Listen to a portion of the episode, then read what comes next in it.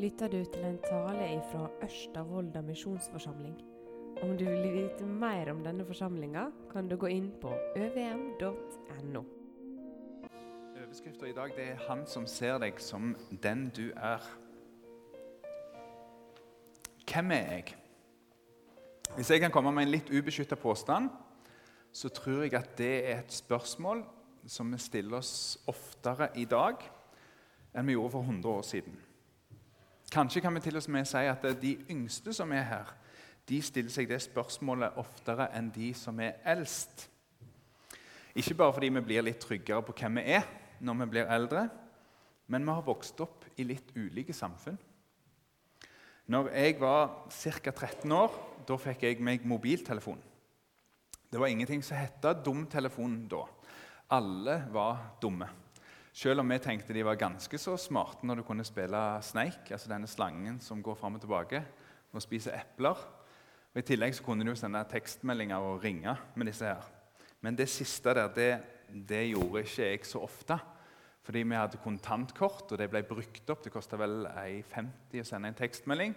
Så da gikk jeg heller de 500 meterne bort til kameraten min og så ga jeg en beskjed istedenfor å sende en melding. Og Det gjorde at kontakten min den var stort sett begrensa til de som jeg var fysisk til stede med, de som var rett framfor meg. Men med telefonen så fikk jeg plutselig en mulighet til å kunne ringe til noen og snakke med noen som ikke var rett framfor meg. Og så var telefonen én ting, men i dag så har vi Internett og sosiale medier. Og dermed så har vi muligheten til å ha kontakt med så uendelig mange flere mennesker på så ufattelig mange vis til alle døgnets tider. Sånn var det ikke for 100 år siden. Sånn var det ikke for 40 år siden heller. Og Når vi har denne kontakten, da kan vi velge hva sider av oss sjøl som vi vil vise fram, og hva sider vi ikke deler med andre. Det vil si at alle de som ser meg og deg i løpet av ei uke, da er det, det det er veldig mange av de som ser oss, som kun ser oss gjennom sosiale medier. Som ikke ser oss sånn fysisk der vi er. Um, og dette, lagt sammen med at vi òg ser ufattelig mange mennesker i løpet av ei uke, det er noe som gjør at jeg tror vi stiller oss det spørsmålet oftere. Hvem er jeg? Mye oftere enn vi gjorde før. Vi kan sammenligne oss med folk fra hele verden. I dag kan Håkon sitte på nett og så kan han se på ungdommer Eh, rundt omkring, de beste fotballspillerne som er, som øver og viser fram triks og lager videoer. Jeg kan sitte og se på hjortejegere i Skottland som viser hvordan de jakter, og hvem de er. Og så har du dine ting som du er opptatt av, som du ser på. Og i alle som vi ser og møter her på disse plattformene, så ser vi bare en liten bit. En bit som de har valgt å vise fram. Og alt vi viser, det er òg bare en liten bit. En bit som vi har valgt å vise fram. Det er noen ting vi ikke viser. Jeg vet at om jeg ser ut som en aldri så tålmodig far på Facebook, så er jeg ikke så tålmodig som jeg burde vært i virkeligheten med en to-, tre- og åtteåring som bare er unger som hadde fortjent mer tålmodighet av meg. Men jeg legger ikke det ut på Facebook. Alle har vi sånne sider ved oss sjøl som vi ikke er så stolt av, og som vi i hvert fall ikke viser fram. Og Det kan gjøre at vi nesten ender opp med en splitta personlighet. En som er der på denne plattformen her, der vi får redigere og velge hvilke aktiviteter jeg viser fram, hvordan jeg ser ut. Nei, det bildet var ikke helt greit. Og så så redigerer vi det. Så, og så, Du har den delen av deg sjøl, og så har du den sida ved deg sjøl som bare du kjenner til. Når du er helt aleine. Når du sier hvem du egentlig er. Der jeg blir sittende med alle de sidene som jeg ikke er så stolt over. Og så kan jeg ende opp med å spørre hvem er jeg egentlig? Den dama som vi møter i søndagens tekst, og det møtet som hun har med Jesus, det har noe å si oss inn i dette her.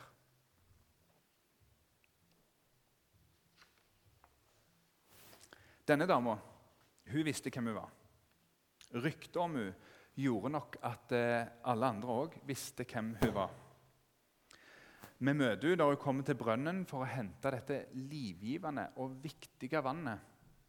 Det vannet som hun trengte for eh, både å bli ren, for å holde seg frisk, for å drikke, for å lage mat. Men denne dama velger å komme nå, midt på dagen, når sola er på det varmeste når det er ganske så tungt og utidig å gå til en brønn. For da visste du at her er det ikke så mange mennesker. Det er ikke så mange jeg treffer. For hun hadde noen sider som hun helst ville holde skjult, som nå var offentlige. Og Derfor så kom hun når hun kan være alene. Og når hun kommer til brønnen, så møter hun Jesus. Hva som skjer i det møtet med Jesus, det skal vi komme tilbake til. Men først så skal vi se på det som er søndagens tekst. Og Det er ikke akkurat det møtet, men det er det som skjer etter vi har møtt Jesus. Og Da er vi fremdeles med brønnen. Og får vi det opp på skjerm her, Det er litt liten tekst. Men det står i Johannes evangeliet, kapittel 4, og vers 27-43, hvis du har en bibel med deg. Jeg leser. I det samme kom læresveinene hans de undra seg over at han snakka med ei kvinne, men ingen av dem spurte hva han ville, eller hvorfor han snakka med henne. Da let kvinna vannkrukka stå og gikk inn i byen og sa til folket.: Kom, så skal dere få se en mann som har sagt meg alt det jeg har gjort. Kan han være Messias? Da gikk de ut av byen og kom til han. I mellomtida ba læresveinene han, 'Rabbi, kom og et.' Han svarer, 'Jeg har en mat å ete som det ikke veit om.' Da sa læresveinene seg imellom, 'Kan noen ha båret mat til han?' Men Jesus sa til dem, 'Min mat er å gjøre det han vil.' Han som sender meg, og fullfører hans verk sier det ikke ennå er det fire måneder til grøa skal høstes inn. Men jeg sier dere, luft øynene og se åkrene, hvordan de kvitner mot høsten.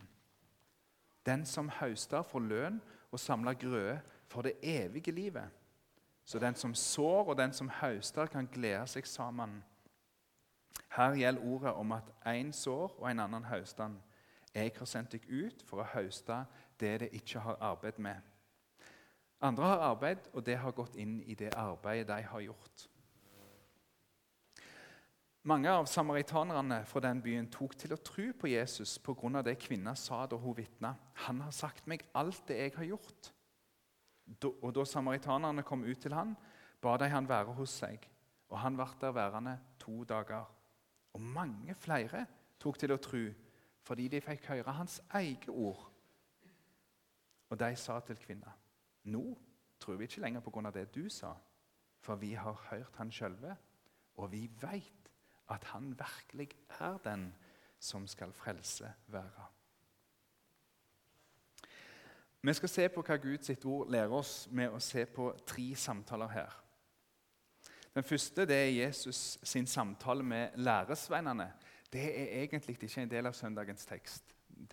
De hopper der. Men vi får møte ei side ved Jesus der som vi har så godt av å se. Så Derfor skal vi ta med den òg. Etterpå så skal vi se på kvinner sin samtale med samaritanerne. Og helt til slutt så skal vi se på Jesus sin samtale med kvinner.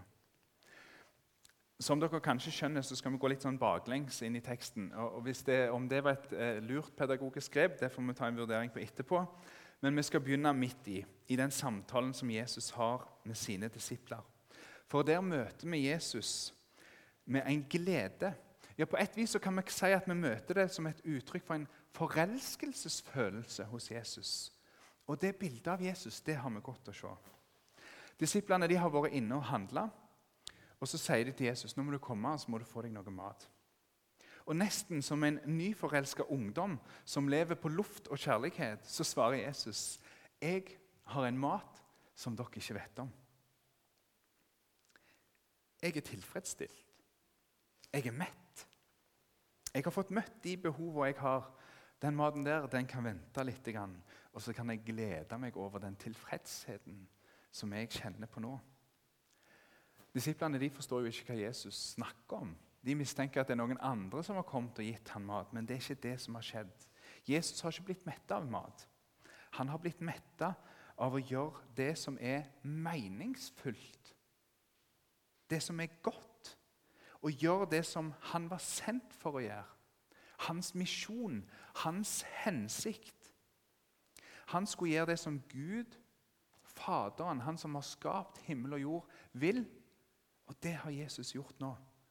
Og det å gjøre hans vilje og fullføre det som han var sendt for, det var mat for Jesus. Og akkurat i dag så handler det om høst.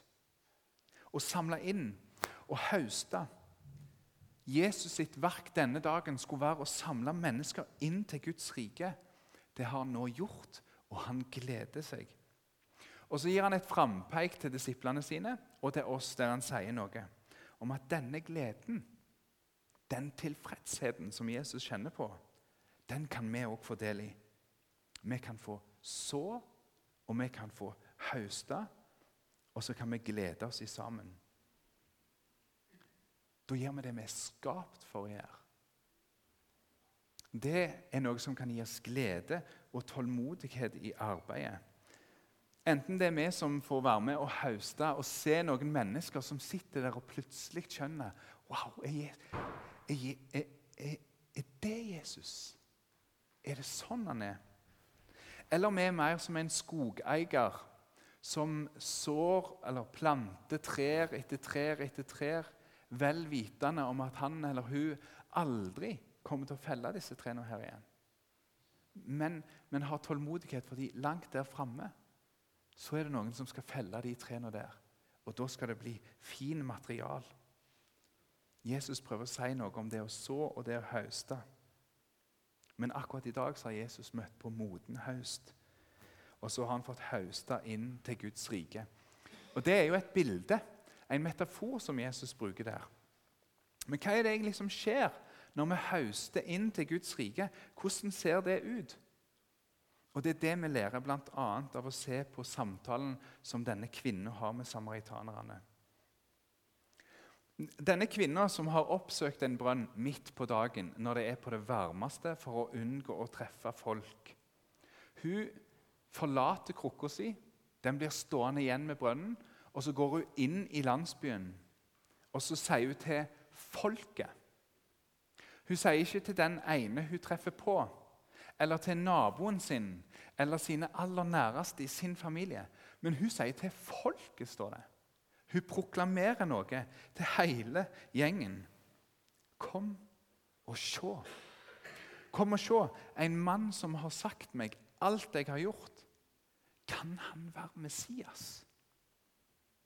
Møtet med denne dama gjør et så voldsomt inntrykk på de som er i landsbyen, at de blir med denne dama når dagen er på det varmeste, ut til Jesus. Men allerede før de har fått kommet fram til Jesus, og prata med han, så leser vi at mange av de samaritanerne som var der, de tok til å tro på Jesus pga. det som kvinner sa. Og det er denne troa, denne tilliten som blir skapt i mennesker, som er høsten. Det er det å høste. Mennesker som begynner å tro at Jesus Kristus han er den han sa han var. Han er Messias. Han er en frelser. Jesus er en som berger. Jesus er en som redder, som setter fri. Han er den som skal frelse verden. Når denne tilliten spirer fram i mennesker, da høstes det inn til Guds rike. Hva i alle dager er det som har skapt en sånn en frimodighet i denne dama? Hva er det som har gjort at hun som egentlig er ei folkesky dame, får med seg en haug med mennesker ut til Jesus for å treffe han. Hva er det som har gjort, som har skapt en sånn en tro og tillit hos hun? Det skal vi se på. Men la oss bare merke oss det. At det som han sa, det har dratt både denne kvinna og denne folkemengden til han. Folket kommer ut til han, og de ber han, bli her flere dager, vær lenger. Og stadig flere mennesker begynner å forstå at Jesus er svaret. Han er den som skal redde verden. Noen skjønte det når kvinner vitna og sa, men andre trengte å høre Jesus sine ord og sitte i lag med han og lytte. Og så skaptes trua i hjertet deres. Og så ble de hausta inn. La oss se på dette første møtet som Jesus hadde. Som dere ser, så er det en ganske lang samtale Jesus har. Og Jeg skal gjenfortelle den, vi skal ikke lese den her nå. Men kanskje kan du gjøre det i kveld, i Johannes 4.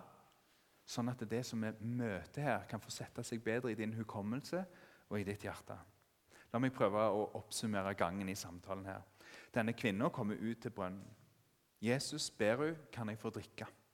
Og Kvinna blir overraska over at en mannlig jøde sier til denne kvinnelige samaritaneren kan jeg få drikke. Det ene er at Menn snakker ikke med damer alene på en sånn en måte. Og Det andre er at jøder snakker ikke med samaritanere. Men Jesus forklarer denne kvinna at han er noe mer enn en mann. Han er noe mer enn en jøde. Han er den som har og er Gud sin gave. Nåden som kan gi levende vann. Dama skjønner ikke hva Jesus sikter til, og peker på, peker på, praktiske hindringer som gjør at Jesus du klarer jo faktisk ikke gi meg vann. Du har, du har ikke noe å dra opp dette med. Hun skjønner ikke hva Jesus prøver å si. Og Så sier Jesus det er ikke vanlig vann det er snakk om. Det er et vann som ikke tar slutt, et vann som ikke må hentes, men som blir i den som tar imot det. Det er et vann som ikke bare slukker tørsten din, men det gir evig liv. Igjen så ser kvinner bare det praktiske rundt seg og får lyst på dette vannet. Da slipper hun å gå til denne brønnen langt for å hente vann. Og Da er det som om Jesus rykker inn i livet til denne dama. Da begynner Jesus å snakke om hva denne dama har gjort. Jesus avslører at dette er ei dame som har hatt fem menn. Og den mannen som hun har omgang med nå, det er ikke ektemannen hennes engang. Vi vet ikke hva som har gjort at hun har havna her, at hun har hatt fem ektemenn. Om de har dødd, eller om de har skilt seg fra henne. Men uansett så er hun blitt ei kvinne som blir sett ned på. Det må være noe galt med hun der. Hun er ikke attraktiv på den tidas ekteskapsmarked, og det er hun ikke heller i dag. Hvis du er på jakt etter en ektefelle og er på Tinder, så tror jeg ikke du legger ut 'har hatt fem ektefeller'. Uansett hva du tror og hva overbevisninger du har. Det er en av de tingene som du vil ha skjult. Og på den tida var det enda mer krevende. Vi vet ikke om hun har vært uheldig, eller om det var hennes synd, begjær, egoisme, om hun var ei vanskelig dame å leve med. Men vi vet at akkurat nå så lever hun i synd. Akkurat nå så er hun i lag med en mann som om de var gift, uten å være gift. Det er akkurat så du får et inntrykk av at det er ei dame som har gitt opp. Jesus griper rett inn i det som hun sjøl vet er galt. Og Det er noe Jesus gjør igjen og igjen. Hvis du leser Bibelen, så er det sånn møter Gud oss. Jesus han gjør det med den rike unge mannen. Pengene dine. Jesus gjorde det med Peter. Du kommer til å svikte meg, Peter. Han gjorde det med Sakkeus, han gjorde det med fariserene, og han har gjort det med meg. Jesus han er en som ser kvinna. Han ser hvem hun er, og han peker på det som er det største problemet hennes. Et større problem som er større enn det å måtte gå ut og hente vann. Et større problem enn det at du ikke våger å møte folk. Denne dama er ei mislykka dame. Hun har ikke fått det til. Livet har ikke gått sånn som det skulle gå. Og nå lever hun i noe som ikke er rett. Kvinner erkjenner at Jesus, du, du må jo være en profet. Som ser mer enn det øynene ser når du klarer å si disse tingene om meg. Og så sporer hun over på forskjeller på tilbedelse mellom samaritanere og jøder. før hun til slutt sier at hun vet at det er en spesiell profet som skal komme, og han skal fortelle alt. Som samaritaner så kjenner hun stykkevis og delt til at det skal komme en større profet enn Moses. En redningsmann. Og så sitter Jesus der. Så ser han på kvinna, og så sier han Det er jeg.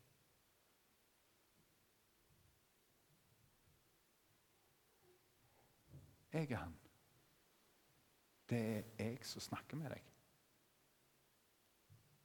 Og der blir de avbrutt av disse lærersvennene som kommer. Og hun trekker seg vekk. Og på vei fra brønnen til byen så vokser det fram ei tro. Ei tro på en mann som så rett gjennom henne.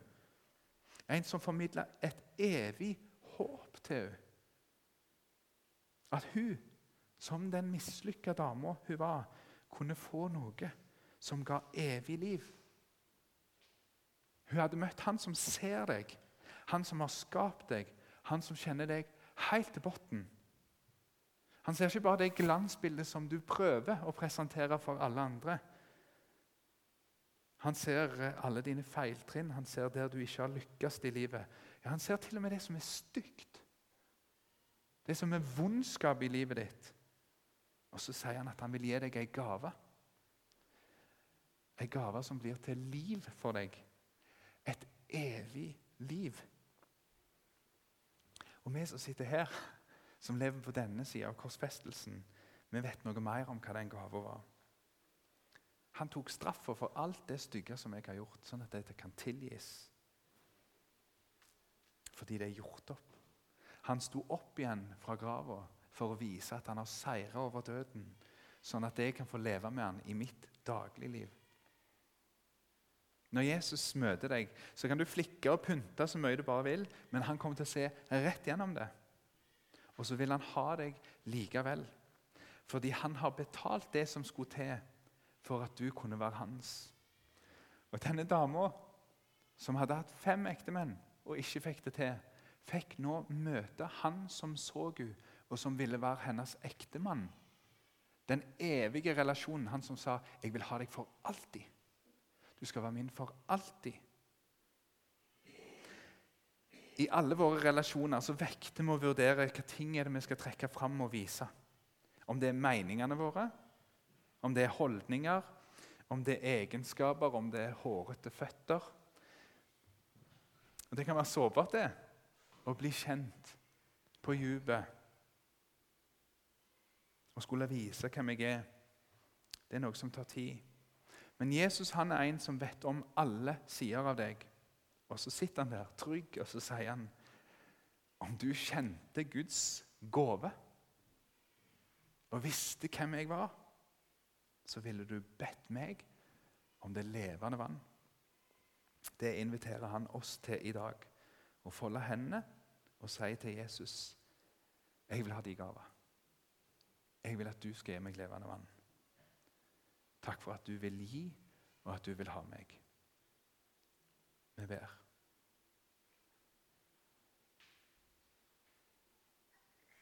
Takk, Jesus, for at eh, du ser meg, uansett hvor skummelt det er.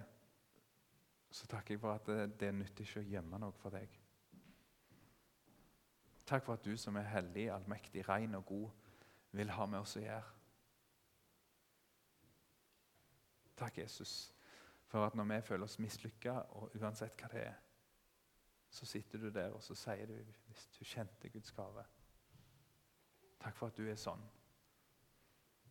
Jeg ber om at du må la det få lov til å velle fram i oss, sånn at vi kan huske det utover den uka som ligger foran oss, og være med oss. Takk, Jesus, for at vi fikk bære eh, Jonas framfor deg på denne måten ber Jesus om at du må hjelpe oss til å finne ord og sette ord på hvem du er og hva du har gjort for oss. Og få si det at du er han som sier alt om oss. Og få si at du er Messias, at du er han som skulle komme.